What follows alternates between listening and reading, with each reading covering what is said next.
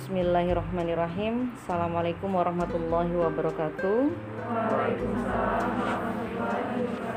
aja kalau misalnya udah buka aja terus mereka kan mereka pada tutup nggak apa-apa Oh, Biar biar kedengeran ya. Oke, ya ya, nggak apa-apa itu ya nggak apa-apa. yang lain kan pada, pakai tuh. Eh, ya Biar suaranya nggak keredam ya. Iya. Eh, Bismillahirrahmanirrahim. Innal hamdalillahi nahmaduhu wa nasta'inuhu wa nastaghfiruhu wa na'udzubillahi min sururi anfusina wa min sayyiati a'malina may yahdihillahu fala mudhillalah wa may yudlil fala hadiyalah. Asyhadu an la ilaha illallah wa asyhadu anna Muhammadan abduhu wa rasuluh. Rabbi syrah li sodri wa yassir li amri wahlul 'uqdatam min lisani yafqahu qawli amma ba'du. Alhamdulillah eh, hari ini sudah hari yang keberapa di Sri Tanjung? Hari yang kelima ya. Jadi sudah banyak yang didapatkan eh, terkait dengan apa yang di yang dilakukan oleh Sri Tanjung. Hari ini adalah hari di mana eh, memahami lebih dalam tentang kebiasaan yang ada di dalam Sri Tanjung yaitu eh, sebenarnya kalau bahasa lainnya itu adalah kajian. Nah, jadi kenapa di Sri Tanjung ada kajian? Karena memang eh, Sri Tanjung sendiri ingin eh, usaha yang dilakukan itu menjadi usaha yang berkah, bukan hanya usaha yang ngejar ngejar keuntungan aja, tapi eh, di dalamnya itu kropos gitu ya. Tapi juga ingin menjadi seorang yang eh, kuat di dalam, kuat juga di luar. Jadi di dalamnya diisi dengan keimanan, di luarnya itu tampil sebagai figur yang membawa keimanan itu ke dalam kehidupan sehari-hari. Nah, itu adalah sosok pribadi ahli surga. Nah, mungkin udah ada eh, teks lagunya yang sudah diinfo atau belum? Biasanya kan ada lagunya tuh ahli surga. Itu dari masyarakat tanpa riba. Nah, kenapa eh, ini terkait? Karena kita ingin hidup itu berkah. Kalau hidup di dunia itu begitu-begitu aja, eh, masalahnya kita hidup di dunia itu cuma sekali, ya enggak? Ada yang udah cobain hidup dua kali? Belum kan ya? Eh, Rata-rata umurnya di sini berapa? 20 20 tahun ya 19 ada yang 17 plus? Saya. Oh, kita berdua ya. Kita berdua masih 17 plus. Nah eh, materi hari ini yang saya diberikan kesempatan oleh Ibu Ning Sri Tanjung untuk menjelaskannya itu adalah tentang memahami peta hidup kita. Kalau adik-adik pernah nonton film Dora, nah, mungkin adiknya adik-adik kali ya, atau justru kakaknya atau justru eranya ibunya adik-adik gitu. Ya, eh, tentang peta hidup, eh, bukan peta hidup ya, temennya Dora itu kan ada yang namanya peta, ya kan? Ketika Dora mau keluar rumah, dia mau menuju ke satu tempat, maka kemudian bertanya kepada peta akan ke mana kita mengambil jalan yang kiri atau mengambil jalan yang kanan naik bis atau jalan kaki saja maka bertanyalah kepada peta. Maka muncullah peta dari tasnya. Aku peta aku peta aku peta gitu kan ya? Nah apa sih fungsinya peta di dalam film Dora itu? Yaitu menunjukkan arah menunjukkan guidance arah. Arah Dora kalau kamu ingin pergi ke sekolah kemudian peta menjelaskan. Maka kamu harus berjalan dari rumahmu menuju kepada halte bis. Dari halte bis kamu harus naik bis menuju ke sekolah. Dia- nanti d- sampailah kamu ke sekolah. Jadi berarti ada tiga titik. Pertama titik pertamanya itu adalah ke halte bis. Yang kedua naik bis menuju ke sekolah. Berarti ke halte di depan sekolah. Yang ketiga baru sampai yaitu di sekolahnya. Maka Dora harus melewati fase ini. Dia harus berjalan menuju kepada halte di dekat rumahnya. Namun ketika menuju ke halte dekat rumahnya ada sniper. Nah, ya kan? Musuhnya sniper bener nggak? Oh salah sniper tuh tembak ya. Swiper. Nah ada yang inget nggak tadi? Swiper. Berarti masih zaman ya. itu zamannya anak saya Dora itu nah ketahuan umurnya kan uh, swiper. Swiper jangan mencuri. Swiper jangan mencuri. Kan biasanya gitu ya Dora itu teriak kayak gitu. Tapi kadang uh, teriakan Dora itu didengar oleh swiper kadang kala enggak. Akhirnya ada saja yang dicuri oleh swiper. Nah itu adalah uh, ujian ketika Dora hendak berjalan menempuh ketujuannya. Pasti ada cobaannya di dilambangkan cobaan itu dengan swiper. Nah saya ingin mengga, meng, menarik apa yang terjadi pada Dora itu dalam kehidupan kita. Sebenarnya kita nggak beda jauh dengan Dora.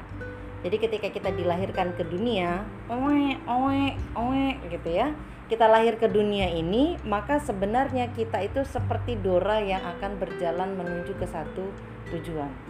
Kalau digambarkan dalam sebuah peta ini petanya terlalu kecil gambarnya sehingga agak blur kita posisinya di mana posisi kita itu kecil di sini nih. Ini kan Kalimantan ya. Nah masih kelihatan Kalimantan maka ini Kalimantan atau Sulawesi?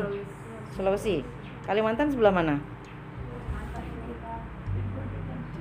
Enggak ini Kalimantan. Beneran. Tanya Google Map. Ini ketahuan geografinya nih. Sulawesi itu yang huruf K. Iya enggak? Nah, kalau yang kayak kepala burung ini, ini adalah Kalimantan karena saya 13 tahun tinggal di sana. Ya, nggak bisa dikecoh. Jadi ini Kalimantan, sebelahnya Kalimantan itu tempat kita berada, Sumatera, ya kan? Dan kita berada di tengah-tengah Sumatera. Ada yang ke sini waktu pertama kali pakai GPS enggak?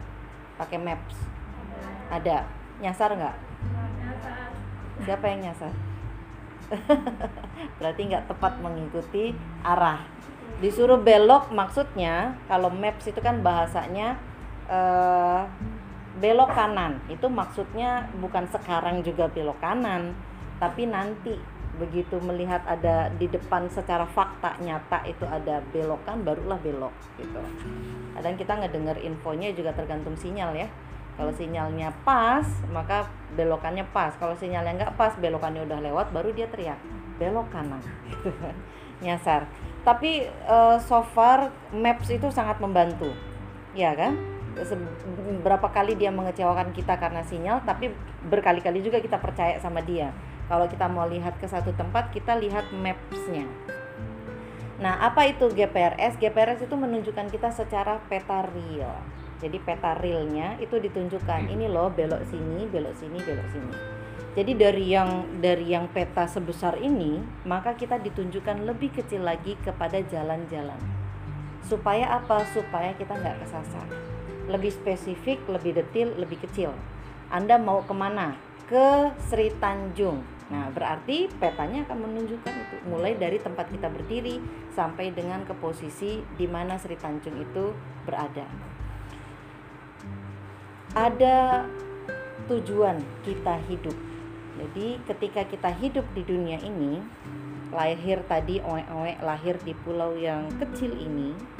Nah, kecil ini nih di sini di Sumatera, di Pulau Riau, wabil khusus Pekanbaru uh, mungkin aslinya nggak nggak Pekanbaru semua mungkin ada yang dari Bengkalis ada yang dari uh, apalagi Dumai mungkin atau dari wilayah-wilayah uh, Riau yang lain. Uh, tapi akhirnya kita ketemu di sini. Nah dari tempat yang kecil seperti ini Allah melahirkan kita. Kemudian kita nanti akan bertanya. Mungkin sekarang di usia 20 belum nanya. Tapi sebenarnya memasuki usia akil balik, semua itu mulai bertanya. Ada yang mengabaikan pertanyaan itu, ada yang serius mencari jawaban dari pertanyaan itu. Pertanyaan pertama itu adalah dari mana asal manusia? Saya ini dari mana sih? Iya dari ibu saya lah, gitu kan? Ibu saya dari mana? Dari nenek lah, kan jawabannya gitu ya. Tapi kan gak puas. Maksudnya pertanyaan itu adalah saya ini manusia itu asalnya dari mana gitu. Kenapa bertanya seperti ini? Karena pertanyaan ini akan membuat kita itu mau tunduk ke mana? Ke yang bikin kita. Kalau dikatakan kita itu dibikin dari tanah, nanti hidup mencari tanah. kembali mencari tanah maka yang akan kita ikuti tanah mau tanah sengketa sekalipun kita kejar gitu karena tanahlah yang membentuk kita jadi pertanyaan pertama ini efek dari jawabannya itu adalah kita akan tunduk kepada yang menciptakan kita jadi dari mana asal manusia itu jawabannya kalau di dalam Islam Allah Subhanahu wa taala. Nah, kita simpen dulu. Mau apa manusia di dunia? Berarti kita harus tanya kepada Sang Pencipta. Menciptakan kita itu untuk apa? Gitu. Saya ini diciptakan untuk apa? Kalau yang puitis-puitis itu kan menjawab aku tercipta untukmu. Itu kan bokis banget ya. Bohong banget gitu loh kasihan ibunya capek-capek ngeberanakin cuma buat orang itu. Belum tentu lagi gitu kan?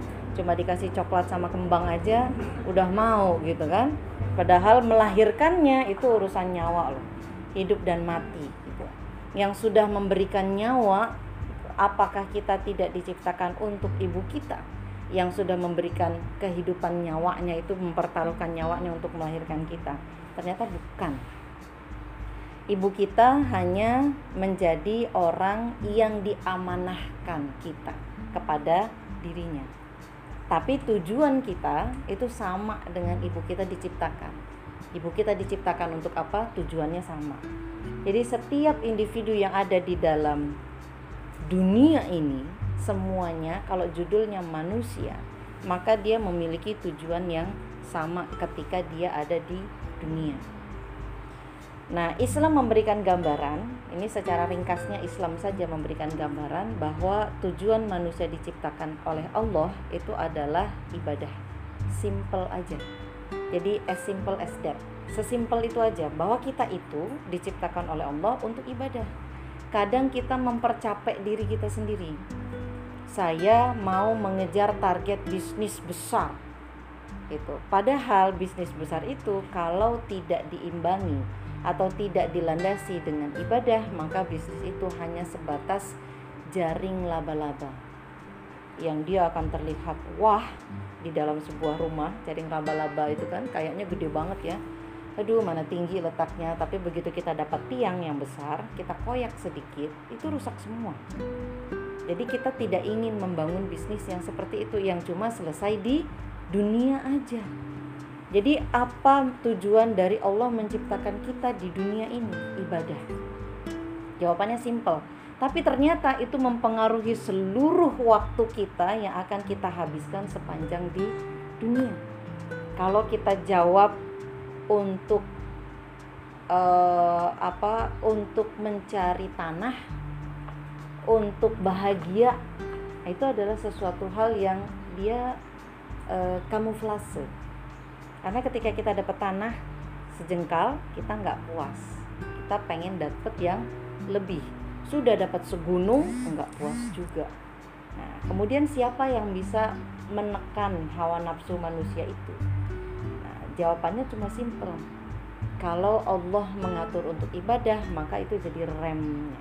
Tapi kalau kita membebaskannya maka alasan yang kedua tadi saya ingin bahagia. Bahagia versi siapa karena ternyata orang kaya sedunia itu ternyata tidak merasakan bahagia. Silahkan baca buka-buka ceritanya dari siapa orang kaya orang kaya di dunia saat ini Bill Gates. Bill Gates dia nggak bahagia ternyata. Ketika ditanyakan Anda sudah memiliki semuanya, apakah ini membuat Anda bahagia? Enggak.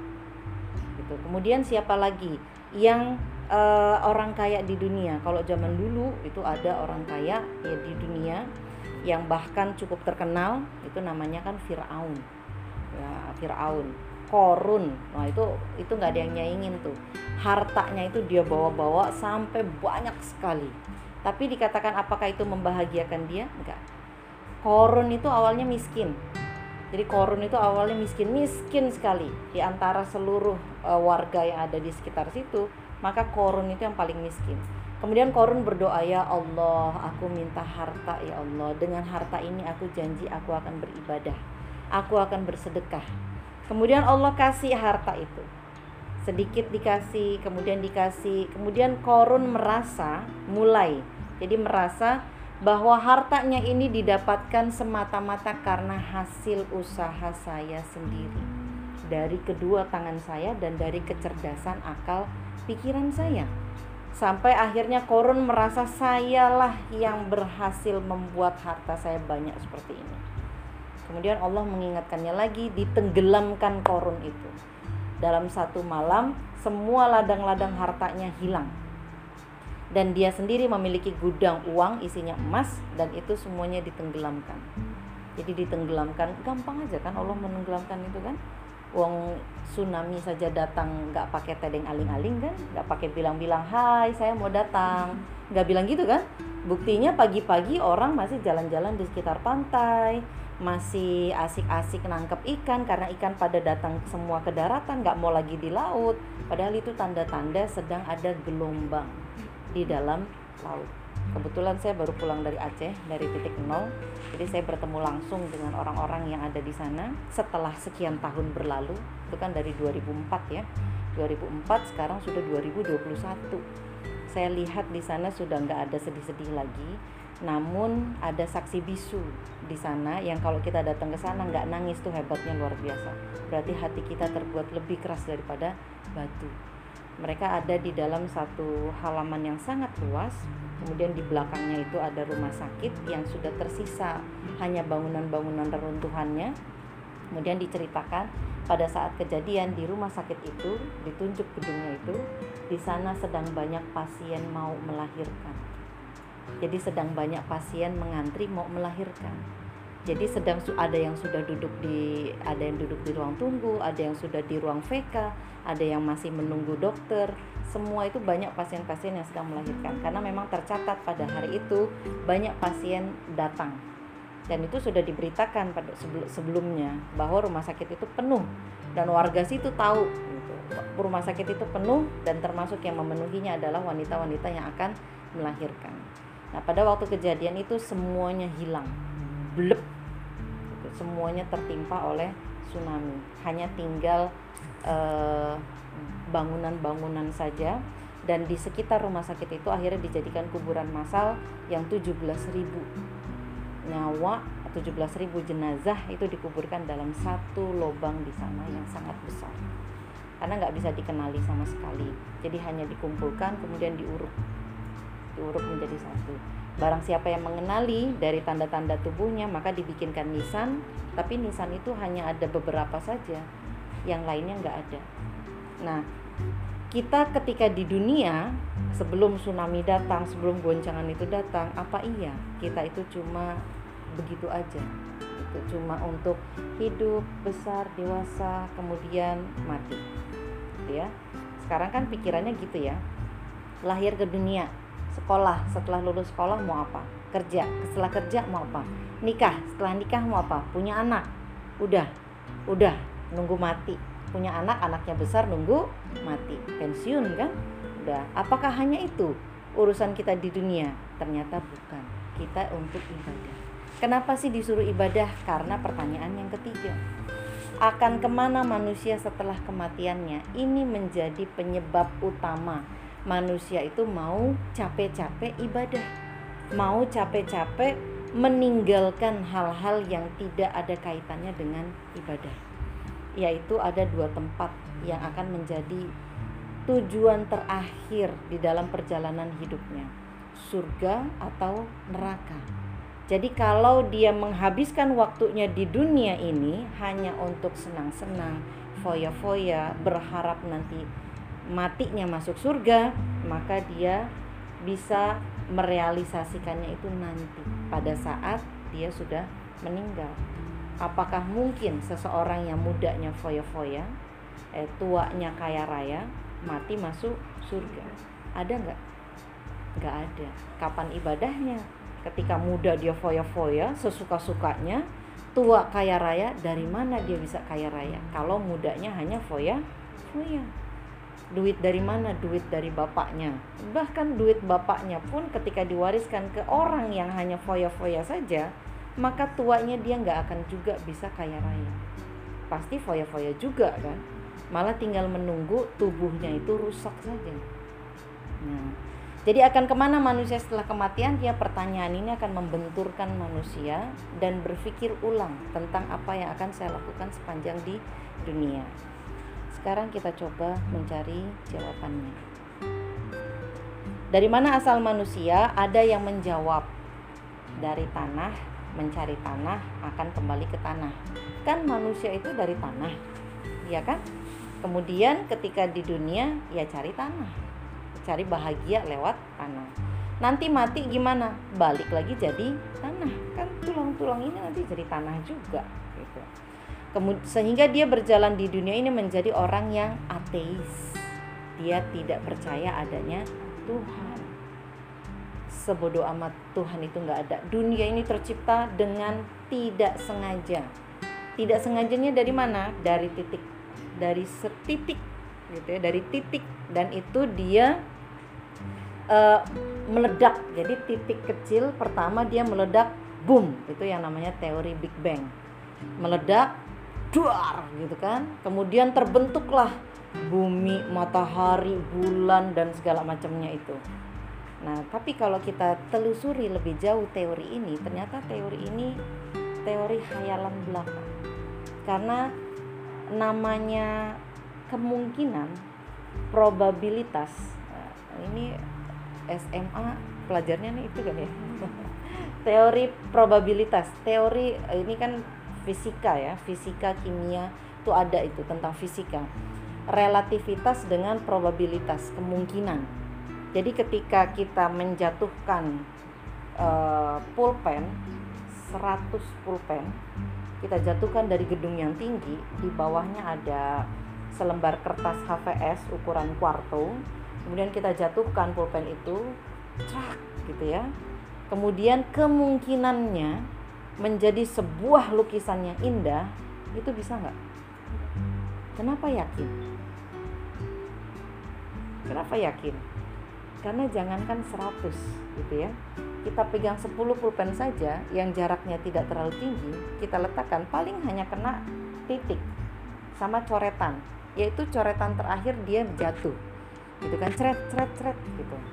Kalau tintanya itu jatuh ke kertas itu maka mungkinkah teori titik tadi titik hitam tadi meledak itu menjadi bumi yang jaraknya itu pas betul dengan jarak matahari? Yang mana matahari itu kalau maju 3 mili saja maka kita akan hangus. Dan ketika matahari itu menjauh 3 mili saja maka kita akan membeku. Ini dari mana? Gitu. Kalau bukan sesuatu yang pasti ada yang ngatur karena nggak mungkin dari titik itu meledak kemudian bisa jadi jaraknya sekian. Karena teori Big Bang itu muncul dari itu. Meteor meteor berubah jadi ya segala macam lah. Kemudian ada dinosaurus dan segala macam kemudian berubah monyet itu jadi jadi manusia gitu ya. Kalau benar kita itu terlahir dari monyet yang berubah menjadi manusia, maka kita akan menemukan yang separuh monyet. Tapi pernahkah ada separuh monyet, separuh manusia? Gak ada. Karena semirip-miripnya monyet sama manusia, dia tetap monyet gitu. Dan se semirip-miripnya manusia sama monyet, manusia tetap manusia. Beda, manusia ada akalnya. Monyet enggak. Sepinter-pinternya kita ngajarin monyet ya, monyet katakan A apa apa apa gitu ya ajarin aja setahun dua tahun tiga tahun gitu ya belum tentu dia bisa itu kenapa? Karena memang akalnya tidak ada. Capek di kita aja kan? Ngajarin gitu ya. Kalau ngajarin ini pisang makan ini batu jangan dimakan. Cepet dia belajar soal itu. Tapi kalau kalimat gitu ya makanya cerita tentang Tarsan itu sebenarnya juga nggak mungkin. Seorang anak kecil dibesarkan oleh kera kalau Tarsan ya kalau ada lagi cerita Disney itu The Jungle Book Mowgli nah, lebih susah lagi tuh kan namanya Mowgli. Dia tahu dari mana Mowgli. Jadi dia dibesarkan oleh serigala. Terus dari mana dia bisa bercakap-cakap? Serigala nggak ngajarin ngomong gitu kan? E, kemudian dia bisa ngomong sama manusia dari mana? Ini nggak mungkin. Nah, itu semua kita pahami bahwa ternyata yang namanya kebetulan di dunia ini enggak ada. Jadi kalau dikatakan kebetulan saya hari ini diminta oleh Ibu Sri Tanjung itu enggak ada. Gitu ya. Kebetulan itu nggak ada di dunia ini. Jadi semuanya itu sudah terstruktur terencana dan dia sudah terkait dengan yang lain. Nah kemudian jawaban yang kedua ada yang bertanya dari mana asal manusia? Dari Tuhan dong. Oh betul. Pinter. Kemudian mau apa manusia di dunia? Uh, cari bahagia.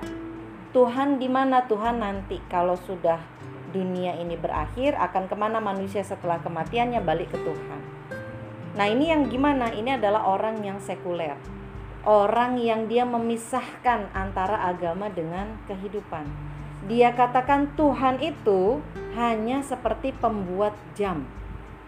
Dia bikin jam, dia susun jam, setelah jamnya itu berjalan tinggal. Terserah jamnya itu mau dipakai buat apa, dipakai oleh siapa karena Tuhan selesai membuat jam. Padahal sebenarnya apakah seperti itu? Enggak. Makanya yang terjadi ketika manusia mencoba untuk membuat sendiri peraturan bagi hidupnya, yang terjadi adalah kekacauan sampai sekarang. Makanya kenapa Kalimantan bisa sampai tenggelam dengan banjir? Itu kan perkara air. Air itu kan cuma satu ya prinsipnya, mengalir dari tempat yang tinggi ke tempat yang rendah. Kalau air itu datangnya dari atas, berarti yang diharus siapkan oleh manusia itu adalah tempat di bawah. Apa itu? Penyalurannya, penyerapannya, penampungannya. Sekarang semuanya nggak ada di Kalimantan. Penyerapannya hutan gundul. Kemudian penampungannya tanggul jebol, udah nggak sanggup. Kenapa tanggulnya itu nggak sanggup? Karena dibikin tanggul itu hanya sepersekian saja. Dia nggak ada lagi lahan gambut yang seharusnya menjadi penampungan air itu nggak bisa lagi. Kenapa? Sudah berubah jadi ruko, sudah berubah jadi kantor gubernuran, sudah berubah lagi alih fungsi, sudah teralih fungsikan. Kemudian pengalirannya, boro-boro bisa ngalir, yang ada di pampat sana sini, supaya nggak bisa lagi ngalir. Itu yang terjadi juga di Bandung. Bandung itu nggak ada sejarahnya banjir, tapi kemudian jadi banjir. Kenapa? Air nggak bisa ngalir. Dibikin komplek komplek komplek. Yang tadinya bisa ngalir nggak bisa ngalir. Ya jadilah selamat menikmati komplek itu jadi banjir. Nah jadi itulah yang terjadi ketika manusia mencoba mengatur sesuatu tanpa pakai guidance dari Allah. Sekarang kita lihat yang jawaban nomor tiga yaitu jawaban dari Islam. Yang tadi saya katakan Allah Subhanahu wa taala menciptakan kita kemudian Allah memerintahkan kepada kita untuk ibadah kepada Allah. Dan kemudian ketika kita meninggal kita uh, menghadapi kematian nanti maka kita akan memilih apakah kita itu berhasil masuk ke dalam surganya atau justru dihempaskan ke dalam nerakanya. Ketika manusia lahir ada perjalanan hidup manusia dan ini rentang waktunya itu hanya hanya dari lahir sampai perjalanan hidup itu hanya seusia Nabi. Nabi kita umurnya berapa? 63 tahun. Kurang lebih ya, beberapa hari. Jadi kata Nabi, eh, umatku itu umurnya nanti sekitar 60 atau 70 plus minus. Plus minus ya. Umurnya nggak ada yang sampai ratusan atau bahkan ribuan. Pas umurnya hanya sebatas umur nabinya, 60-70 tahun kalau kita kalau kita bandingkan usia kita yang 60 70 tahun itu dipotong dengan usia akil balik kan Allah katakan rufi akolam diangkat pena dari seorang anak kecil sampai dia akil balik. Jadi kalau dia sudah akil balik baru ada catatannya sendiri. Jadi pena itu mulai menulis ketika dia akil balik. Jadi umur 1 sampai 15 tahun kita nggak dicatat katakanlah kita akhir baliknya 15 tahun karena rata-rata 15 tahun. Kemudian orang yang tidur sampai dia bangun. Sehari kita tidur berapa jam? 8 jam. Idealnya. Tapi kadang tidurnya lebih dari itu. Ya enggak lagi datang ke Sri Tanjung tidur. Gitu. Enggak. ya oh enggak ya? Oh enggak bisa enggak bisa tidur. Oh enggak bisa tidur. Di Sri Tanjung enggak bisa tidur. Ini di di kampus datang ke kampus tidur lepas dari kampus dosennya sudah selesai menjelaskan ke kantin tidur di kantin kemudian mampir ke perpustakaan tidur gitu kan pulang ke kos-kosan tidur jadi kapan bangunnya Nah itu kata bercandaannya dosen-dosen karena ngelihat mahasiswanya itu kerjaannya tidur aja. Kalau datang ke kampus tuh cuma numpang tidur. Kerjanya malam. Jadi malam dia melek, pagi dia tidur. Nah, jadi kalau anak-anak kampus tuh biasanya tidurnya lebih dari 8 jam. Jadi kalau dihitung 8 jam, 8 jam per, per hari dikalikan kira-kira usianya berapa? usianya 60 70 maka kita dapatkan angka sekitar 15 tahun usia kita itu habis untuk tidur berarti sudah dipotong 15 tahun akil balik 15 tahun kita tidur itu rupiah kolam kan tidak dicatat nah berarti 30 tahun waktu usia kita itu tidak dicatat oleh Allah.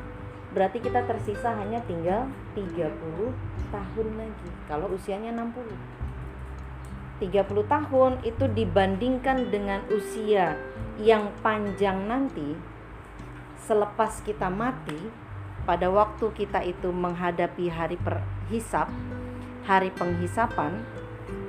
Jadi ini adalah titik di mana kita itu berada di tengah. Jadi uh, seorang ulama itu menjelaskan ini ada papan tulis papan tulis blackboard. Kalau blackboard masih inget nggak yang pakai kapur? Oh masih ngadepin ya? Kirain kalian zaman milenial nggak ngadepin itu. Zaman saya aja. Jadi kapur papan tulis yang besar panjang hitam itu diambil kapurnya satu dibikin garis dari ujung sampai ke ujung. Seret sampai ke ujung mentok. Kemudian dibikin garis dua di tengah. Seret seret yang jaraknya hanya sekitar 2 cm seret seret ujung yang sebelah sini ini adalah fase kehidupan sebelum kita dilahirkan. Sepanjang-panjangnya itu itu panjangnya tak terhingga.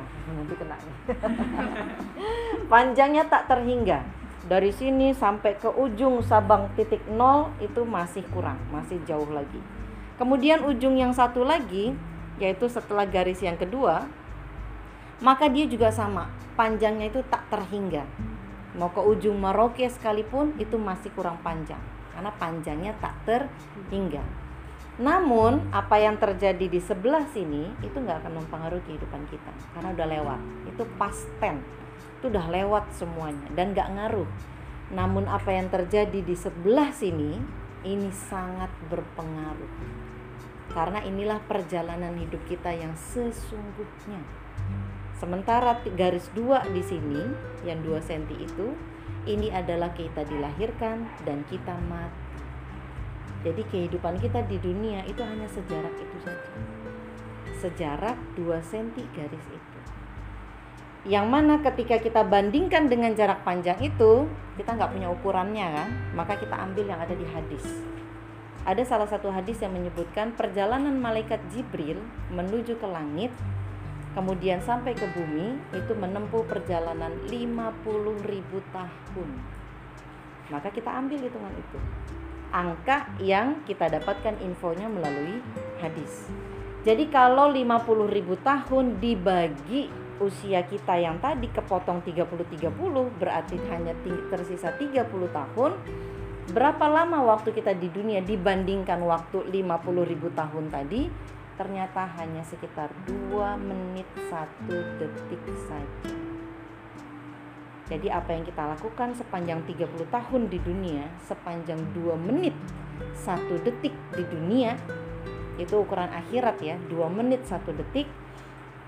Kalau itu membawa amal soleh, maka kita akan selamat sepanjang jalan menuju kepada jalur yang tak terhingga itu. Namun kalau tidak selamat, maka sepanjang jalan itu kita akan menderita sepanjang-panjangnya. Tapi ada berita gembira, kalau meninggal dalam keadaan mengucapkan dua kalimat syahadat, maka kita akan dikembalikan lagi ke jalur. Yaitu yang tadinya dikebawahin dulu sebentar, yaitu dicelup ke dalam neraka, dibersihkan dulu dari dosa-dosa yang sudah dilakukan, maka dinaikkan lagi ke dalam surga. Tapi masalahnya berapa lama kita akan dicelup? Nggak tahu, tergantung dosa yang kita lakukan. Semua itu up to you. Tergantung kepada kita masing-masing. Tapi waktu kita semuanya sama. 2 menit 1 detik. Dibandingkan perjalanan 50 ribu tahun Makanya kita memerlukan usaha yang serius untuk mempersiapkan diri masuk ke dalam surga. Jadi ini perjalanan hidup kita, bahwa kita itu nanti lahir, sekarang kita hidup, kita semua pasti akan mati. Yang kaya mati, yang miskin mati, siapa saja semuanya akan tinggal tergantung kualitas hidupnya. Kalau kualitas hidupnya itu membawa amal soleh, maka dia akan langsung dibawa ke surga. Kalau enggak, maka ke neraka. Ada hari penghisapan. Nah, kehidupan dunia itu hanya sekejap. Bahkan kalau digambarkan, dia itu seperti memasukkan air ke dalam lautan, kemudian mengangkatnya, yang diteteskan itulah dunia. Dan yang ditinggalkan yaitu lautan yang luas itu itu adalah surga. Maka maukah kita rebutan untuk yang ada di situ, untuk meninggalkan yang seluasan itu? Kemarin ketika saya melakukan perjalanan ke Aceh, ke titik nol di Sabang selama tujuh hari, eh, perbekalan yang saya bawa itu hanya dua tas bukan tas yang sebesar ini ya travel bag. Jadi hanya dua tas. Itu isinya baju. Karena saya nggak mungkin nggak mungkin nyuci. Karena saya lewat darat bukan lewat udara. Jadi saya lewat darat melakukan perjalanan dari Pekanbaru ke Medan Medan ke Aceh. Kenapa diputus di Medan? Karena saya tidak bersama suami. Jadi saya melakukan perjalanan itu harus diputus. Jangan sampai 24 jam dalam perjalanan harus diputus saya harus bermalam dulu kemudian melakukan lanjut lagi perjalanan itu kurang dari 24 jam. Jadi perjalanan dari Pekanbaru ke Aceh yang seharusnya ditempuh dalam waktu kalau menurut Google ya itu satu hari dua jam kalau menurut Google maka saya tempuh itu dalam waktu dua hari. Karena saya harus bermalam di Medan lanjut baru ke Aceh. Dalam perjalanan itu seru enak senang gitu apalagi sempat merasakan snorkeling ketika di Sabang. Snorkeling tau nggak? Oh tahu ya udah pernah ya? Uh, kalah saya nih. Snorkeling di Padang juga ada gitu ya. Nah jadi ketika snorkeling seperti itu melihat kehidupan di bawah laut wah indah seneng bagus. Tapi apakah kita mau selamanya ada di situ? Enggak karena tahu bahwa saya perjalanan ini meskipun tujuh hari tujuh hari itu kan lama ya untuk orang yang ditinggal itu kan lama gitu mama kapan pulangnya sih? Karena anak saya saya tinggal suami saya saya tinggal saya pergi bersama jamaah perempuan ibu-ibu majelis taklim. Mama kapan pulangnya sih? Mereka menghitung hari sementara saya menikmati hari. Kan beda ya orang yang pergi sama orang yang ditinggal kan beda. Kayak gini kan ibu-ibu kita di rumah tuh nungguin kita. Nanti jam berapa anak saya pulang? Tapi kita kan nggak nungguin pulang kan? Oh asik aja oh ini oh tahu-tahu udah siang gitu kan? Oh tahu-tahu harus sholat jumat nanti cowok-cowok nih tapi kita enak menikmati itu. Kita di dunia itu nanti akan begitu. Bukan nanti sekarang. Kita merasanya enak menikmati dunia. Bangun pagi pergi ke Sri Tanjung dapat info dapat bertemu dengan teman-teman. Tapi it, disadari kalau itu cuman transitan aja. Kita ini semuanya sedang mengembara. Kita ini semuanya sedang transit yang kalau kita tidak mendapatkan sesuatu dari transitan kita ini maka kita nggak akan selamat. Ketika kita melakukan perjalanan yang sesungguhnya. Yaitu perjalanan di mana? Setelah kematian kita. Ini yang tadi saya jelaskan. Garis waktu sebelum manusia ada kemudian lahir mati tak terhingga. Ini adalah perjalanan hidup manusia. Beda dengan petanya Dora yang tidak mengandung konsekuensi apa pun, tapi peta hidup kita itu mengandung konsekuensi surga atau neraka. Harga dunia Tidaklah dunia bila dibandingkan dengan akhirat kecuali hanya semisal salah seorang dari kalian memasukkan sebuah jari ke dalam lautan. Maka hendaklah ia melihat apa yang dibawa jari tersebut ketika diangkat. Hanya kecil masa kita mau rebutin yang kecil dan melepas yang besar Nah, ini adalah manusia. Manusia itu diciptakan oleh Allah Subhanahu wa taala dan ini berkonsekuensi. Ketika kita mengakui bahwa yang menciptakan kita itu Allah, maka konsekuensinya itu adalah kita ikut aturannya Allah Subhanahu wa taala. Itu adalah konsekuensi dari penciptaan. Yang namanya Al-Khaliq, Al-Khaliq itu adalah yang menciptakan, yaitu Allah Subhanahu wa taala. Kita adalah makhluk. Dari mana kita membuktikan Allah? Allah itu bukan hanya dibuktikan ada di surat Al-Ikhlas. Kul huwallahu ahad. Eh buktiin dulu. Yang pertama Kemungkinan pertama Seorang al-kholik Bukan seorang ya Kan dia bukan manusia ya. Al-kholik itu kemungkinannya Jadi yang menciptakan manusia itu Kemungkinannya satu Dia menciptakan dirinya Dia diciptakan oleh yang lain Kemungkinan pertama Kemungkinan yang kedua Dia menciptakan dirinya sendiri Kemungkinan yang ketiga, dia wajibul wujud atau azali. Ini ini kemungkinan-kemungkinan tentang sosok al-khaliq. Kemungkinan yang pertama, kalau dia diciptakan oleh yang lain, maka otomatis orang lainlah yang menjadi al-khaliq. Karena kalau dia diciptakan oleh yang lain berarti dia juga makhluk. Jadi kata khaliq ditambahin mim di depannya itu menjadi orang yang diciptakan. Makhluk yang menciptakan kholik nah, kemudian kalau dia menciptakan dirinya sendiri maka saat bersamaan dia menjadi makhluk sekaligus al kholik apakah ini mungkin? Nggak mungkin. Apakah saat yang sama kita sama dengan uh, kue bolu yang kita bikin nggak nggak mungkin Coba saja, itu sudah sunatullah. Apa pun yang kita bikin tidak bisa sama seperti yang membuatnya. Bikinlah sesuatu yang canggih, secanggih-canggihnya. Handphone. Ini kan sementara ini dianggap ini paling smart gitu ya, makanya dibilang smartphone. Tapi apakah dia bisa menyimpan memori sebanyak akal kita? Nggak bisa kayak saya baru perjalanan tujuh hari saja dia udah teriak-teriak kepenuhan kepenuhan kepenuhan katanya. Karena semua pengen saya foto gitu kan. Kepenuhan dia teriak-teriak gitu. Akhirnya saya harus memindahkannya ke sosial media kemudian uh, saya hapus yang ada di handphone saya. Ternyata itu pun masih teriak-teriak dia. Karena sosial media ketika kita upload foto ternyata dia itu menyimpan memori yang memang ada di angkasa tapi ternyata ke sininya juga. Jadi saya harus uninstall sosial media saya dulu jadi setelah saya up, upload di sosial media untuk menyimpan, sosial medianya harus saya uninstall supaya handphone saya nggak teriak-teriak. Itu termasuk teknik ya, teknik nyimpen data di mana nggak punya nggak bawa laptop nggak bawa flash disk. Jadi gimana saya harus nyimpannya? Simpan di awal. Habis itu uninstall nanti setelah diberesin setelah dipindah-pindahin di sininya sudah dikosongkan baru install lagi sosial medianya. Dan itu akan muncul lagi foto-fotonya. Asal masalahnya jangan satu kena ban. Nah kalau udah kena ban sama Om Mark nah apalagi kena suspend sampai diblok sama dia hilang semua akun kita. Termasuk foto-fotonya. Tetap ada kelemahannya kan?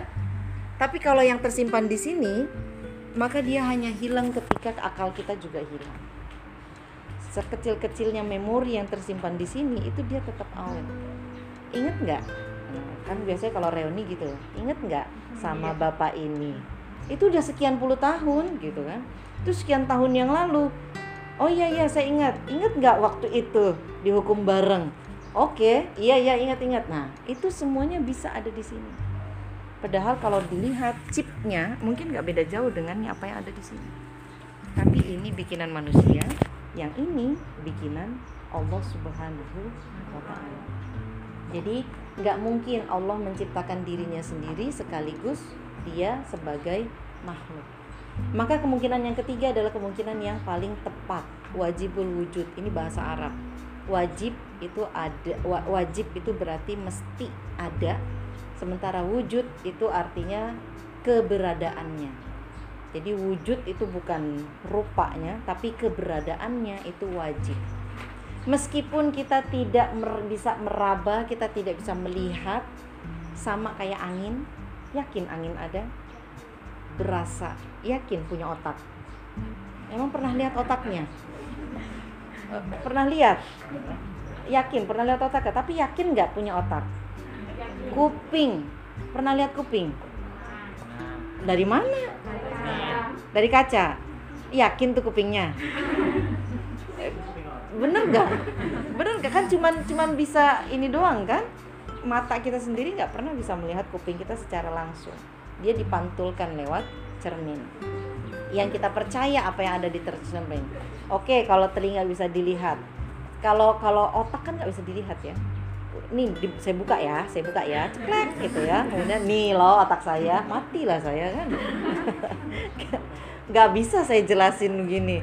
Jadi kita nggak berani membuka otak kita kemudian memperlihatkan otak kita. Kenapa? Itu peluang terakhir kita untuk hidup gitu.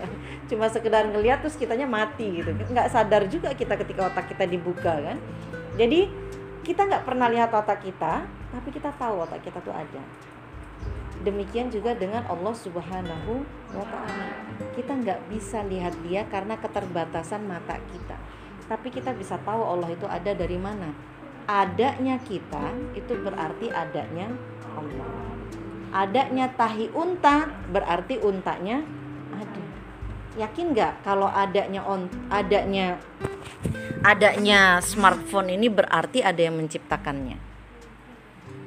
Nah, jadi begitu juga dengan kita itu tentang Allah Subhanahu wa taala.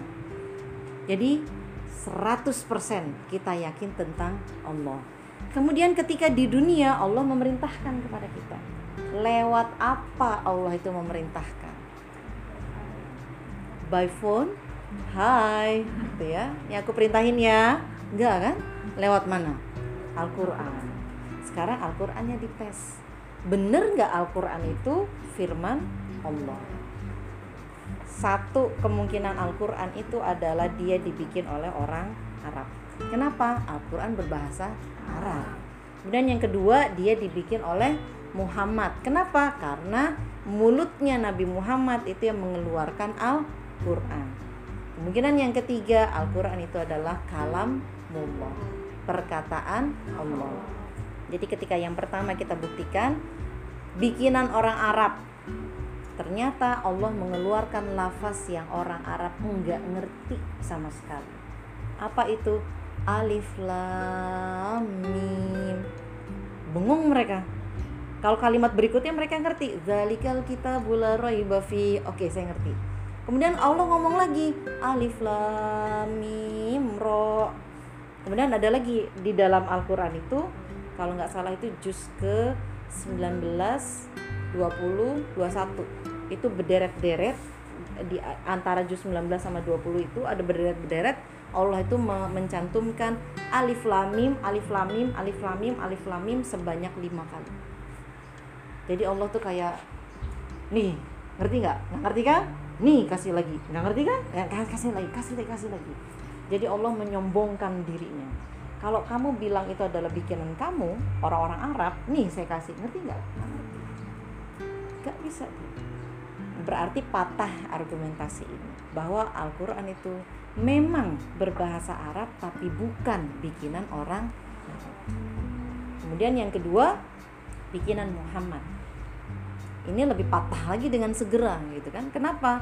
Di antara orang Arab yang nggak bisa baca yang nggak dikenal bisa baca itu adalah Nabi itu makanya dijuluki dengan Umi Nabi Muhammad itu pinter cerdas tapi dia nggak bisa baca. Nggak bisa baca. Dia bisa ngomong dia bisa ini karena memang zaman dulu itu zaman dulu itu tidak terlalu dipentingkan soal tulis menulis beda dengan zaman kita. Eh, apalagi orang Betawi. Kalau orang Betawi itu nggak apa-apa nulis menulisnya itu belakangan yang penting bisa baca Quran duluan. Kalau orang Betawi begitu. Nah Nabi Muhammad itu orang-orang bisa baca bisa nulis syair Nabi Muhammad enggak karena mereka biasa mendengarkan lewat telinga saja jadi ketika didengarkan hafal mereka jadi ketika di di di zaman zaman dulu itu kekuatan kekuatan hafalan itu sangat luar biasa jadi ketika ada perlombaan syair dari A sampai dengan ujung itu sekali diucapkan mereka hafal langsung. Itu zaman itu. Jadi tapi Nabi Muhammad gak bisa baca.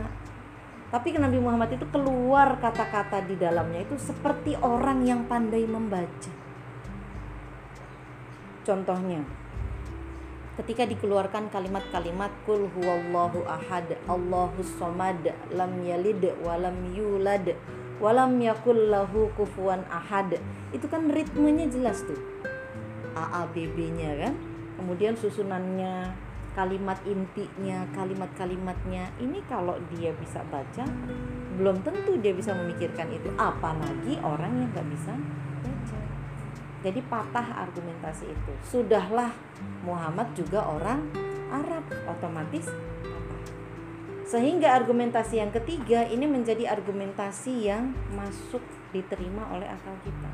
Al-Quran itu kalamullah dan Al-Quran juga memberikan tantangan kepada seluruh manusia yang masih ragu tentang Al-Quran itu jika kalian masih meragukan Al-Quran ini bikinanku kata Allah maka silahkan buat 10 surat saja yang serupa dengan Al-Quran. Silahkan minta pertolongan bantuan dari siapa saja kecuali Allah. Kemudian diem, krik krik krik krik gitu ya. Nggak nggak direspon sama orang Arab pada waktu itu. Allah datangkan surat yang kedua.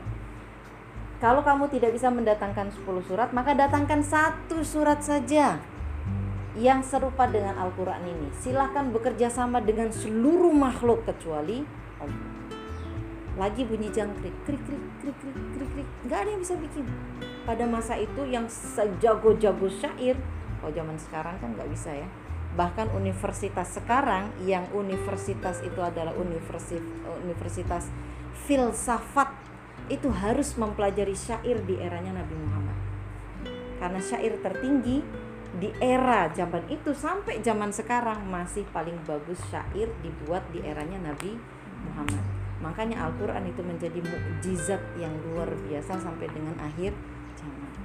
Karena menyentuh akal dan mematahkan akal sekaligus. Jadi kemudian Allah datangkan surat yang kedua, didatangkan lagi surat yang ketiga. Jadi ayat yang ketiga itu berbunyi, jika kamu tidak bisa mendatangkan satu surat, maka datangkan satu kalimat saja yang setara dengan Al-Quran. Gak bisa juga sampai detik ini. Bahkan itu tantangan masih terbuka sampai dengan yaumil akhir nanti. Terbukti sudah Al-Quran itu kalam.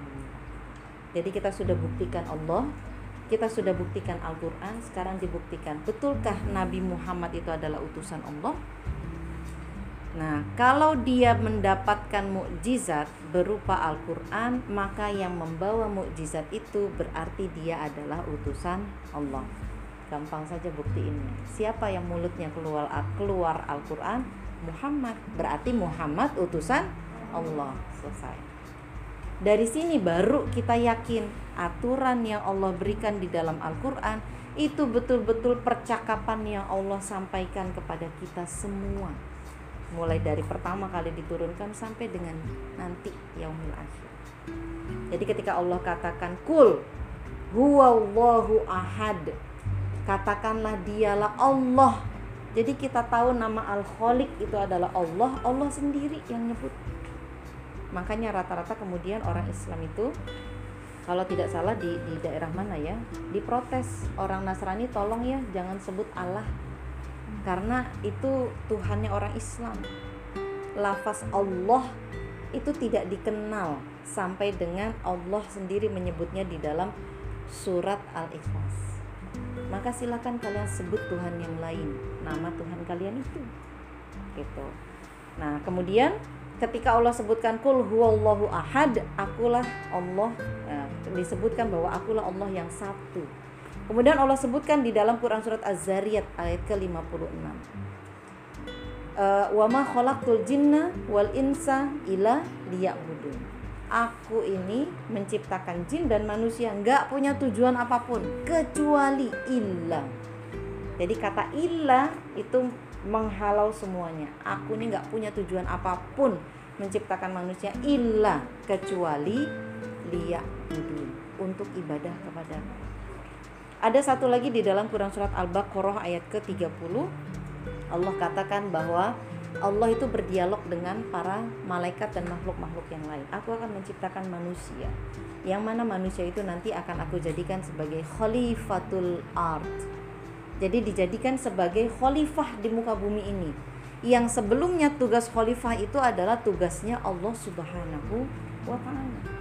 Maka tugas itu dibebankan kepada manusia. Jadi tugas manusia selain ibadah, maka dia harus menjadi seorang pemimpin. Pemimpin untuk apa? Pemimpin dunia ini.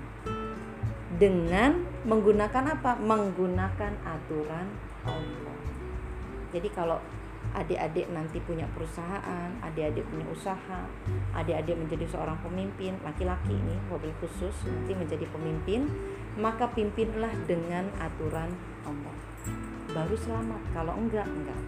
Makanya jangan mau yang perempuan, saya kasih tahu ya, jangan mau nerima lamaran laki-laki yang tidak beriman kepada Allah. Suruh belajar dulu mimpin sama suruh belajar aturan Islam. Insya Allah selamat. Jadi jangan turunin standar ya. Yang ngaji ikro suruh ngaji dulu sampai bisa baca Al-Quran, ya minimal itu. Jadi suruh ngaji dulu. Nah, nanti Sri Tanjung yang buka pengajian. Baik, ini di dunia alam semesta, manusia dan kehidupan eh, diciptakan oleh Allah untuk hidup di dunia. Alam semesta dan kehidupan semuanya diciptakan oleh Allah untuk kepentingan manusia. Langit, bumi, bintang itu semuanya untuk kepentingan manusia. Makanya kalau manusia zolim, sebenarnya langit itu kesel sama manusia. Ada sebuah diskusi yang menjelaskan protesnya langit, protesnya gunung, dan protesnya laut. Ya Allah, kata langit. Apa-apaan ini makhluk manusia yang tingginya cuma enam kaki, satu setengah meter, yang tingginya cuma satu setengah meter, paling banter 2 meter. Kok kurang ajar, kata langit. Berani-beraninya dia melanggar perintahmu ya Allah. Boleh nggak aku hantam dia dengan petirku, kata langit.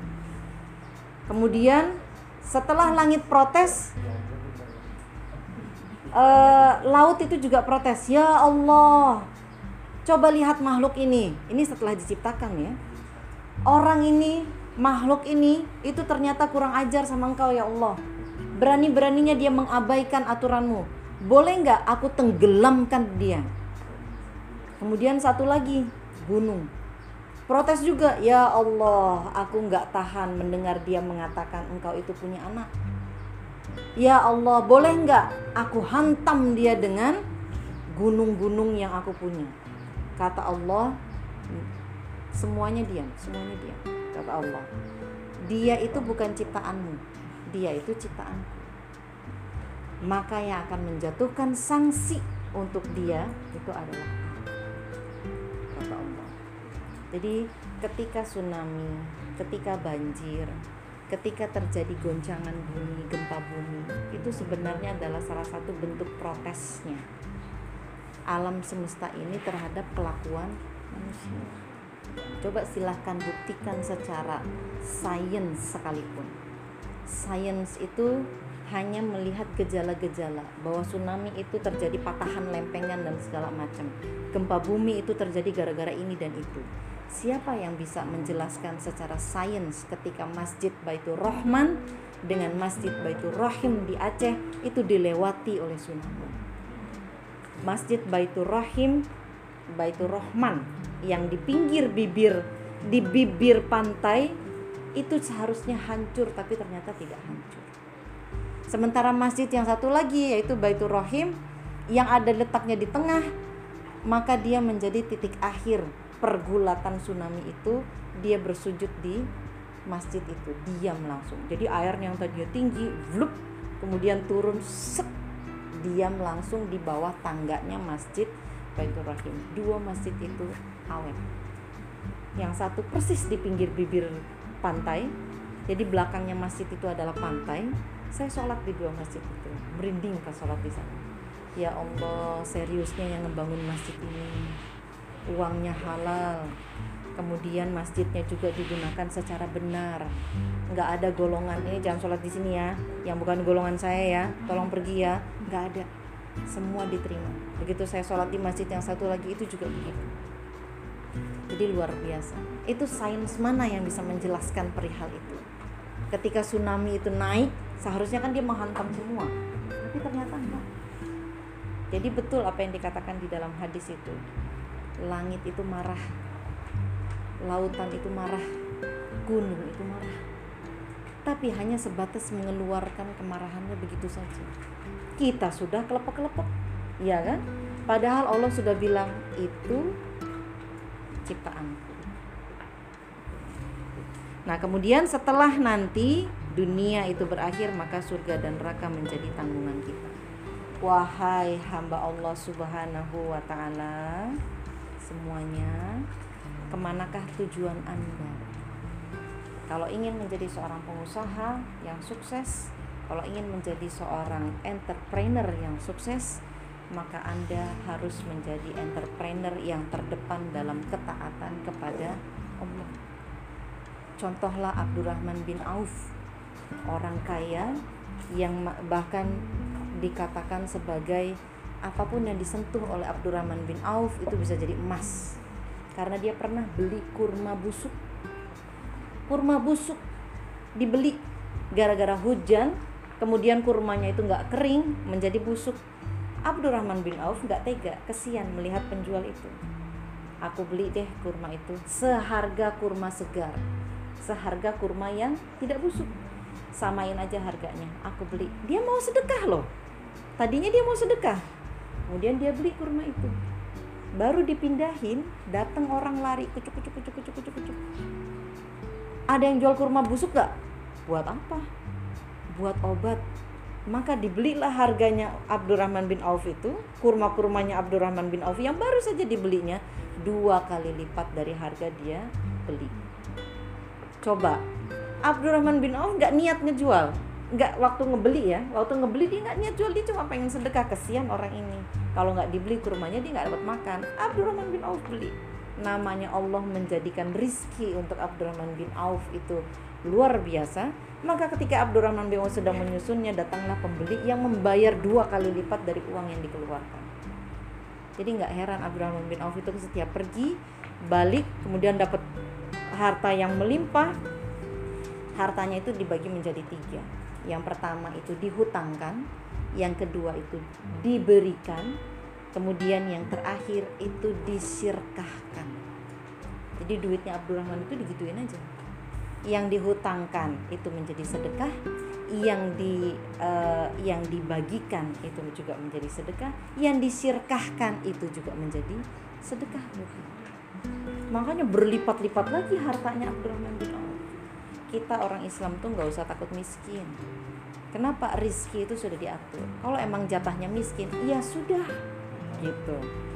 Toh miskin juga bukan dosa. Tapi itu kan berarti ujian buat kita ya. Kita nggak punya duit itu kan ujian buat kita ya. Itu Allah sedang menyempitkan rizki kita tapi kapan-kapan Allah ingin buka kerannya sehingga kita mendapatkan aliran uang yang besar itu terserah Allah. Mau kita jungkil balik kerja juga kalau memang kita tidak menjadi orang yang kaya raya nggak bisa. Tapi kita bisa mengusahakan. Mengusahakan apa? Mengusahakan usaha kita ini berjalan. Mengusahakan target kita tercapai. Mengusahakan orang-orang itu bekerja ke kita karena bisa jadi uang kita kalau kita tidak ditargetkan apa tidak mendapatkan kaya uang kita tuh ngalir gitu aja. Ngalir ke orang gitu. Sementara kita sendiri itu nanti akan dihisap oleh Allah. Dari mana duitnya, dikemanakan duit, dibelanjakan untuk apa. Nah, jadi kalau tujuannya kali ini belum kepada lillahi ta'ala maka harus dirubah mindsetnya dunia terlalu berharga untuk dikorbankan. Kalau sampai tidak mendapatkan surganya Allah rugi bandar gitu ya. Yang dua menit satu detik itu kita korbankan untuk mengejar neraka. Neraka itu mahal iya enggak kan kalau mau minum alkohol itu kan bayar kan? Iya enggak bayar diem-diem ngendap-ngendap ya kan kemudian kalau mau berzina juga mahal kan? Traktir dulu booking tempat dulu mahal tuh. Iya enggak mau mencuri mahal juga nggak? Kan perlu modal dulu nyuri juga. Nggak bisa langsung ngambil kan? Mahal tapi kalau mau beramal soleh itu nggak pakai duit. Nggak pakai duit nggak pakai modal. Langsung beramal soleh. Itu bisa. Jadi jangan mau susah-susah untuk uh, masuk ke neraka. Neraka itu bukan untuk kita. Kita itu diciptakan dari ibu bapak kita yang berasal dari surga. Adam dan Hawa itu kan dari surga kan? Maka kembalilah ke surga. Ada satu tayangan. Oke karena ini layarnya berbeda. Ada satu tayangan yang akan saya tampilkan untuk adik-adik semuanya sebagai penutup dari ceramah kita. Mungkin pernah lihat ya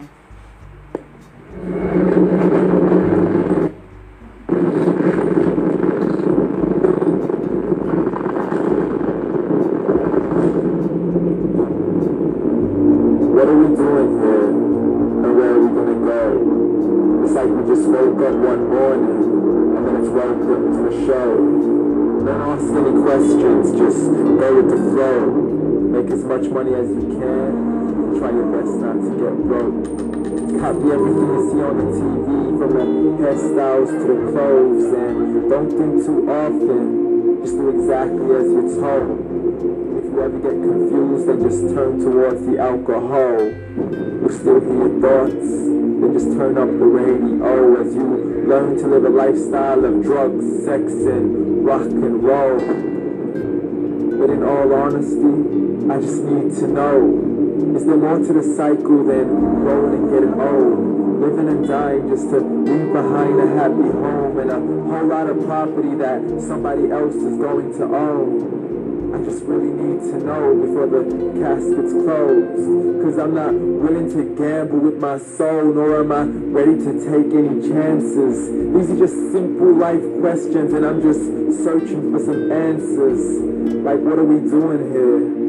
and what is our purpose? How did we get here and who made us so perfect? And what happens once we go or is this world all really worth it? Questions we don't answer because apparently we don't really have to. There's no purpose to this life and our existence is merely natural. Then in that case, please let me ask you, did you create yourself or was it somebody else who had fashioned you? Cause you're a being that's impeccable, faultless and unparalleled. You're a product of supreme intelligence and I'm merely being rational. For there isn't a camera on this earth that can come close to the human eye, nor a computer that can compete alongside the human mind. And if the whole world was to come together, we wouldn't be able to create a single fly. So many signs, yet we still deny. The science tries to justify that all this could come from none, when it's a simple sum. Zero plus zero plus zero cannot possibly ever give you one. So from where did all this order come? But everything has its origins, a maker, a creator of its own. I mean, the only reason you're watching this video is because somebody had to press upload. So we can believe in the Big Bang, but I'd rather believe in he who caused it to explode. Allah, the creator of everything along with every single soul the ever-living, the master, the only one who is in control. Unlike his creation, beyond our imagination, and no, he's not a man, nor does he have any partners in association. He's on his own. And no, he did not ever leave us alone. Just like every manufacturer, he left us with an instruction manual the Quran and Islam, and I'm sorry to jump to conclusions, but it's the only one possible. The only definition of God is the one and only supreme being. It's logical. A book with zero contradictions, with miracles that are both scientific and historical, all revealed over 1400 years ago like the detailed description of the human embryo. The descriptions of the human embryo in the Quran cannot be based on scientific knowledge in the 7th century. The mountains as pegs holding firm the earth below, and the two seas that don't mix in a complete separate flow to the planets in orbit, alternating night and day as they stay in flow. The expansion of the universe and the creation of everything from H2O to the stories of the past and the preservation of Pharaoh. To identifying the lowest point in the land where Persia defeated Rome. The gushing fluid that created man in the glands between the ribs and the backbone. And not a word has changed, it's still the same. So please explain how all this was known over 1400 years ago to a man who couldn't read or write as he would recite whatever the angels spoke. And if you still don't believe, please try to come up with something that's even close. But you can't. So we took God as a mockery and his messengers as a joke. Muhammad could not read or write. How somebody who can't read or write gonna start a religion? Dismiss the scriptures as legends and tales of the ancient folk as we live life according to our whims, desires, and hopes. Saying this life is the only home we will ever know. We will live and die, then simply turn to bones. Yo, low. Correction. After the grass dies, the rain arrives and it regrows. And Allah promises to do the same thing to your very soul and bring you back from your very fingertips to your toes. As the all-seeing supreme being watches us so close and we are surely being tested in our wealth, our health, and our self and everything that we've been blessed with. So believe for we will surely be resurrected and be brought back to our Lord and account for every single deed as he hands us our books and orders us to read from the bad to the good and everything in between. You yourself are sufficient for your own accountability, so don't be mad at me. You are the one who thought you wouldn't come back to me. I gave you a whole life long to search after me, but you were busy in all that which was temporary, so read. And glad tidings to all those who believed, and if you disbelieve, read. And don't let that day be the first day you find out what your life really means. Read.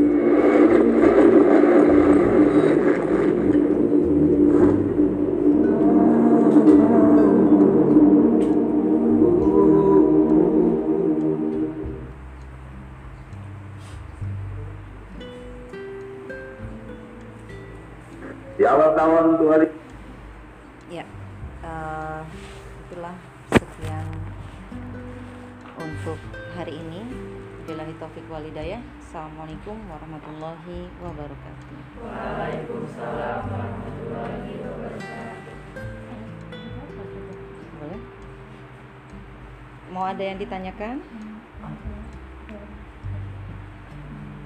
Terima kasih pada yang telah. Eh, untuk adik-adik ada yang bertanya seputar peta itu tiga pertanyaan ya tiga pertanyaan eh, tiga pertanyaan Mau dapat souvenir ya?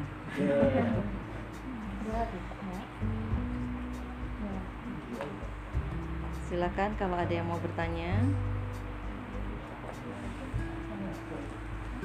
Ada? Biasanya yang nunjuk itu lah yang. Waalaikumsalam warahmatullahi wabarakatuh.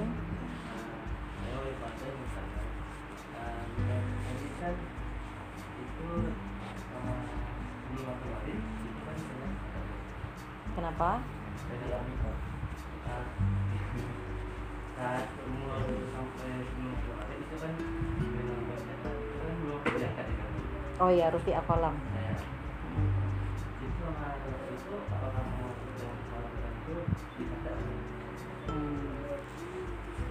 Iya, eh, sepanjang usia sebelum akil balik, kalau ada pahala kebaikan yang dilakukan oleh anak-anak di usia akil di bawah akil balik, itu menjadi catatan kebaikan untuk kedua orang tuanya. Dan kalau ada keburukan yang dilakukan oleh anaknya, itu tidak dicatat.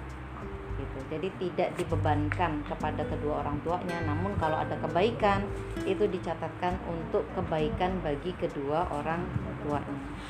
Jadi kalau adik-adik sudah soleh gitu ya, sudah soleha sejak dari kecil, kan biasanya kalau kecil itu kan nurut-nurut ya ayo ke TPA belajar gitu ya belajar baca Quran ke musola mau gitu ya.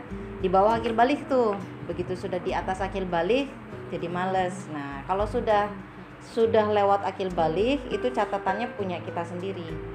Jeleknya kita catat sendiri cakepnya kita catat sendiri dapat sendiri pahalanya buat kita. Namun itu juga berkontribusi kepada orang tua kita. Berkontribusi juga kepada kakek nenek kita.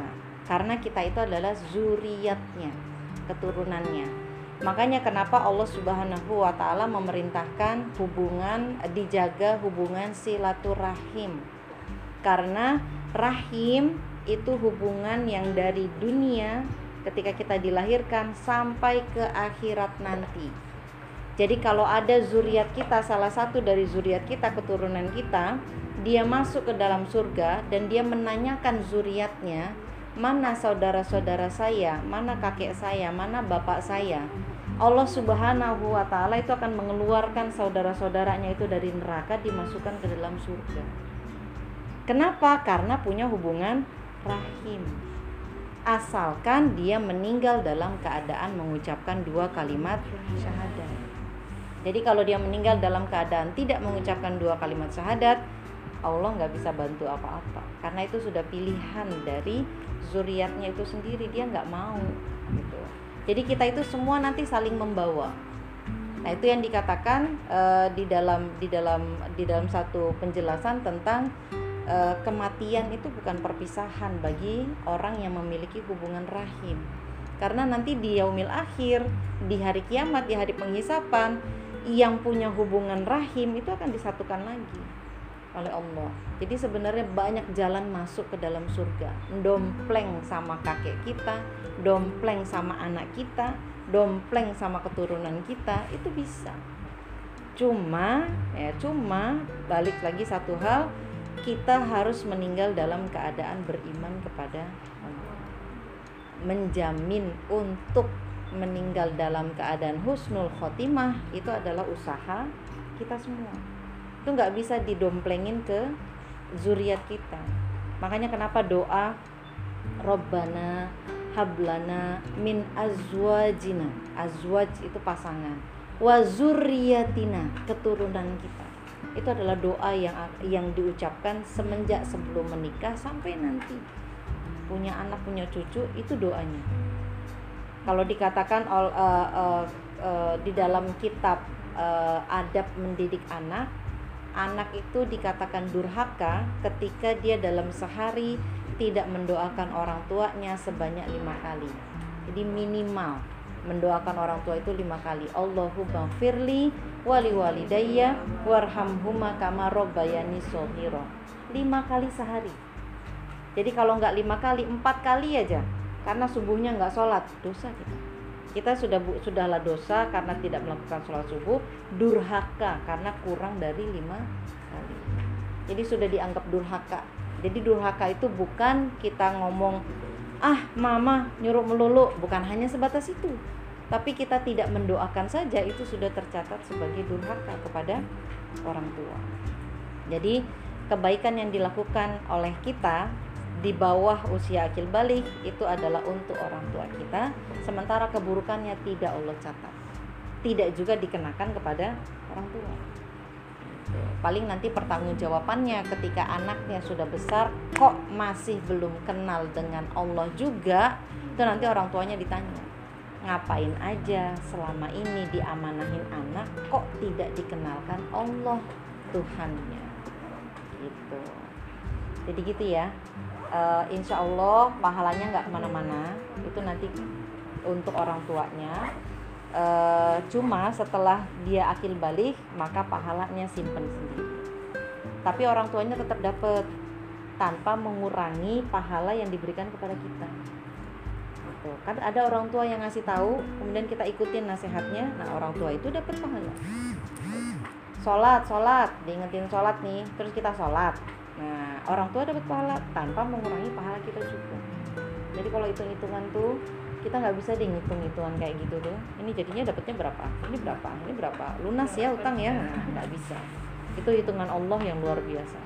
Karena satu orang mengikuti kebaikan maka dia akan mendapatkan kebaikan yang sama itu kalau satu kayak sekarang saya di sini duduk ini ada berapa orang nanti berapa orang ini ngomong lagi ke orang lain itu saya tetap dapat makanya saya senang kalau ada undangan ngisi gitu ya alhamdulillah. Ada peluang untuk menyampaikan apa yang saya pelajari sebelumnya. Gitu. Mudah-mudahan yang mendengarkan itu juga akan menyampaikan lagi ke orang lain.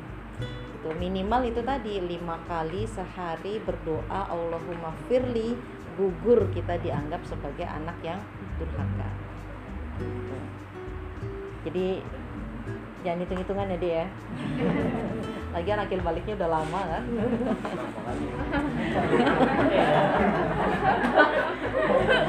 Umurnya udah 17 plus kan? 25 ya? Baik yang lain mungkin ada yang mau bertanya? Silakan. Makanya bu, eh, kan banyak juga yang bilang kayak kalau misalnya anak perempuan nggak menutup auratnya atau nggak berhijab gitu, itu yang nanggung dosanya ayahnya walaupun dia udah balik itu iya apa enggak? Iya, iya. So bad to say it, but it's true. Jadi benar. Eh, karena yang memiliki beban tanggung jawab untuk anak perempuan itu bukan ibu, tapi bapak.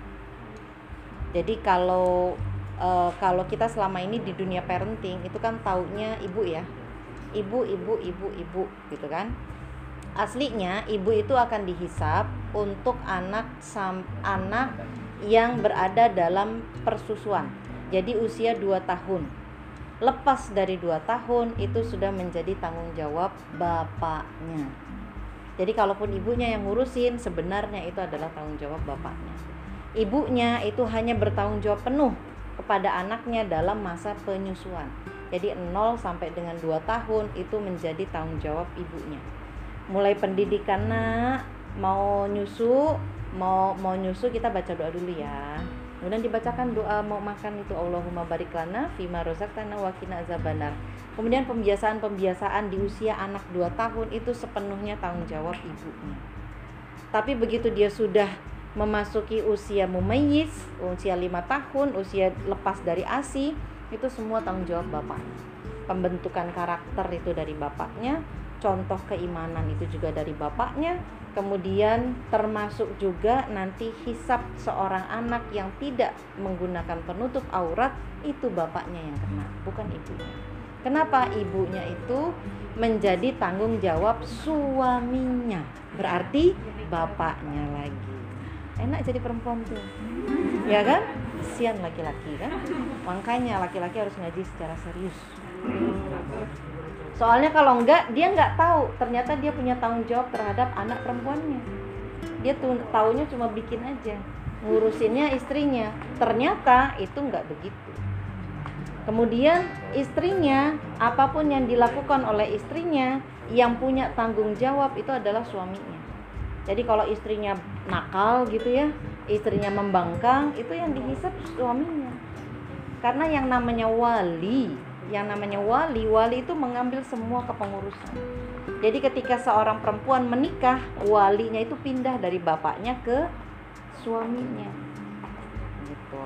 Jadi beban seorang laki-laki itu dia akan menanggung beban itu yang tadinya dia nggak punya beban ketika dia belum menikah dia nggak punya beban kan? Dia nggak ngurusin. Paling kalau ada adik perempuan itu menjadi tanggungannya dia tapi ketika dia mengambil anak orang untuk menjadi istrinya, maka dia menanggung seluruhnya, termasuk baik buruknya istrinya itu menjadi tanggungan. Makanya bersyukur kalau seorang laki-laki istrinya itu ikut pengajian. Alhamdulillah, separuh tugasnya sudah diambil alih oleh guru pengajian.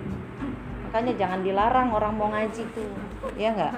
Nah, kalau dia ngelarang ngaji, berarti dialah yang harus mengajari ngaji. Makanya nanti ada kelas pranikah kalau mau ikut. ada promonya. Ya, jadi kalau ada adik-adik yang perempuan ketika keluar rumah tidak menutup aurat itu sebenarnya bapaknya kena siksa juga.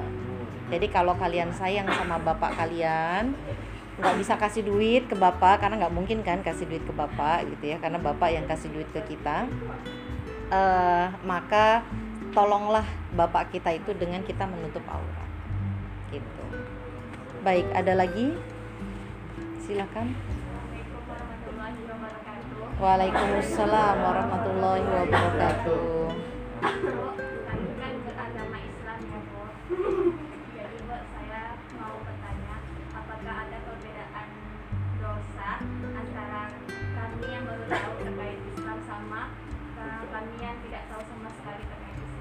Oh, iya. Eh ada ada perbedaan yang sangat tegas dari orang yang tidak mengetahui dengan orang yang tidak tidak mau tahu. Nah, jadi kalau kalau adik-adik sampai dengan umur 20 ternyata baru tahu, itu beda dengan sepanjang 20 tahun itu tidak mencari tahu. Jadi kalau dijelaskan di dalam eh, penjelasan fikih, seorang ulama itu menjelaskan gini, kalau eh, ada satu hukum, dek kayaknya duduknya jauh-jauhan deh. nah, kalau ada satu hukum yang mana hukum itu seluruh kampung itu tidak ada yang tahu, termasuk dirinya, maka Allah memaafkan karena ketidaktahuan di kampung itu. Tapi kalau di dalam kampung itu ada satu orang yang tahu, maka semua dianggap berdosa termasuk orang ini. Kenapa dianggap berdosa orang ini yang tahu harus menjelaskan kepada yang lain dan yang tidak tahu dia harus bertanya kepada yang tahu. Jadi kalau di dalam Islam ketidaktahuan itu dimaafkan ketika memang tidak sampai infonya, belum sampai infonya, sudah dicari tapi belum dapat juga, itu dimaafkan. Tapi kalau sengaja tidak mencari tahu, nah itu beda lagi. Gitu.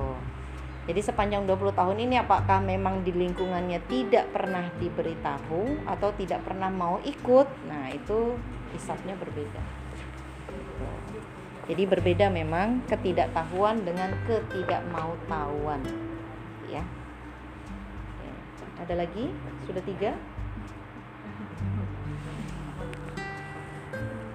Ya, masih ada lagi?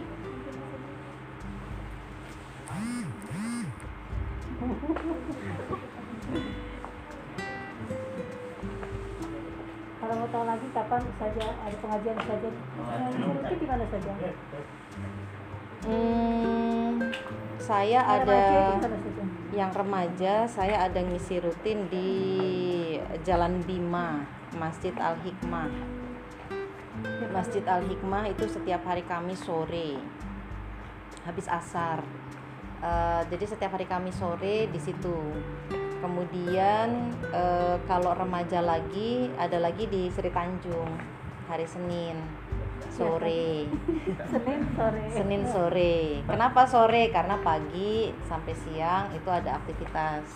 Nah, kalau mau bikin jadwal sendiri bisa adik-adik alumni ST30 misalkan eh ST30 alumni Sri Tanjung eh, PKL. Nah, itu bisa dibikin pengajian. Nanti boleh numpang di sini ya, Bu ya. Karena kita ketemunya kan di sini. Nanti boleh numpang di sini. Kalau yang cowok-cowok nanti boleh ngaji sama suami saya. Kalau mau. Gurunya juga laki-laki saja ya. kalau laki-laki. Iya, kalau laki-laki nanti kan nanya sama perempuan nggak enak kan? Ada pertanyaan-pertanyaan khusus untuk eh, laki-laki. nah, itu nanti bisa ditanyakan kepada laki-laki. Kalau ada pertanyaan khusus untuk perempuan, itu juga nggak enak kalau kedengaran sama laki-laki kan? Makanya kita khususkan eh, untuk eh, pengajian pengajian eh, mingguan itu laki-laki sama laki-laki, perempuan sama perempuan.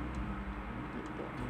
Sementara ini lagi nunggu jadwal untuk bisa ngisi pengajian di Masjid Al Falah Darul Mutakin Jalan Sumatera itu ya Jalan Sumatera Eh, cuma belum belum turun eh, jadwalnya proposalnya sudah masuk saya sedang mengajukan eh, pengajian pranikah nah makanya nanti kalau ada informasinya kalau ada dibikin grupnya sama Ibu Ning nanti bisa saya info di situ kalau ada pengajian pranikahnya boleh datang nanti gitu Jadi pranikah itu berarti kan persiapan menjelang pernikahan ya.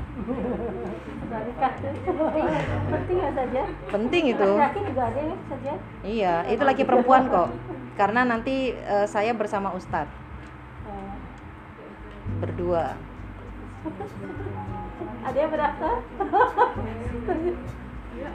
Ada yang mau daftar ya? Udah ya? Nggak ada lagi? Ya, sudah. Ya, terima kasih kepada adik-adik yang sudah bertanya dan penjelasan dari Ustazah. Semoga penjelasan dari Ustazah tadi dapat adik-adik terapkan dalam kehidupan sehari-hari. Amin.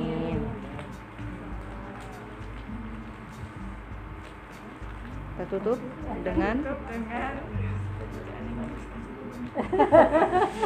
kita tutup dengan doa eh, dengan istighfar tiga kali dan doa kafaratul majlis.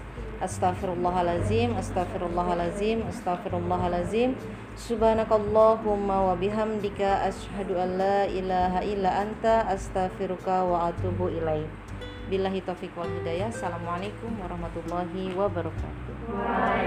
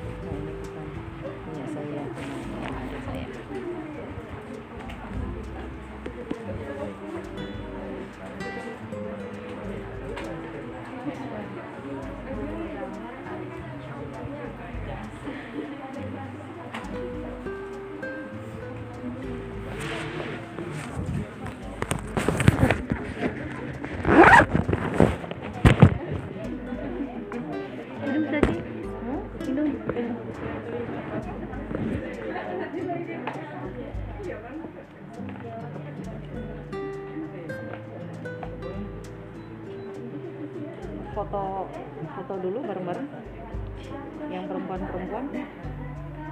Terasa juga anginnya. Ah, iya.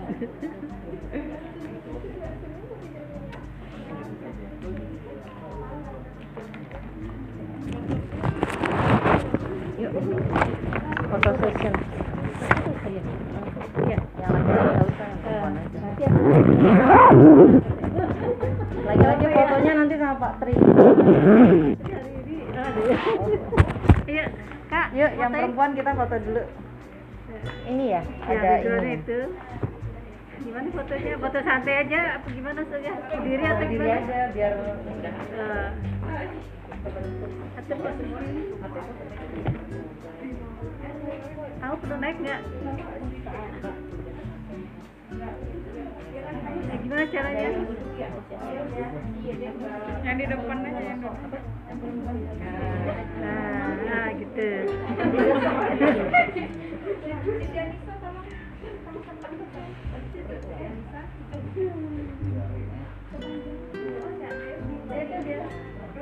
Yang laki-laki boleh geser. Oh iya, foto ya. Kena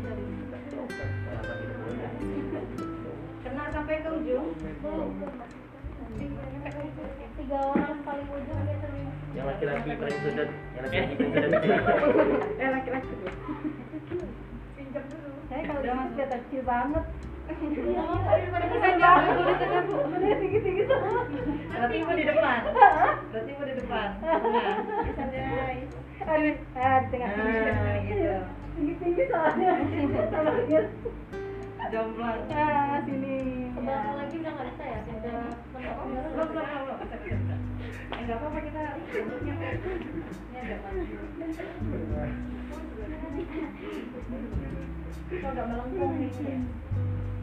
yang kan geser ke Geser ke kanan sedikit lagi.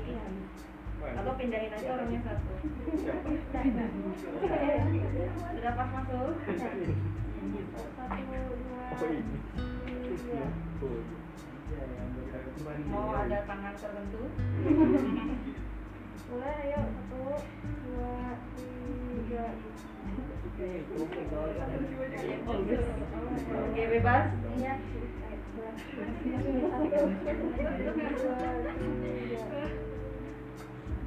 Satu, lagi. Nggak kelihatan senyum pun. Oh iya. Kita udah lebar-lebar tiga. Oke.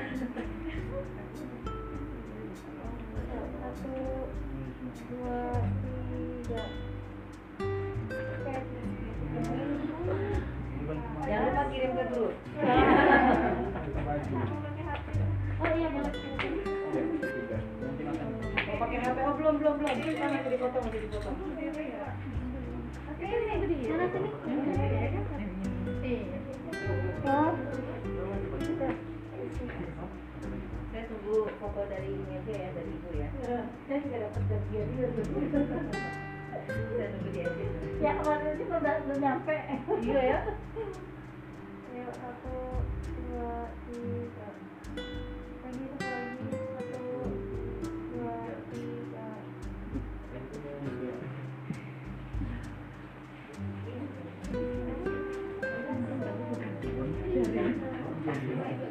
Sorry. Ya bapak-bapak ya. Ada saja. Soalnya kita nggak boleh istilat.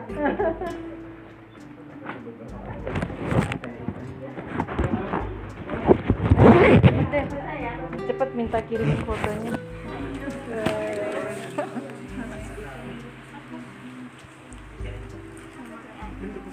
Eh lupa belum nih.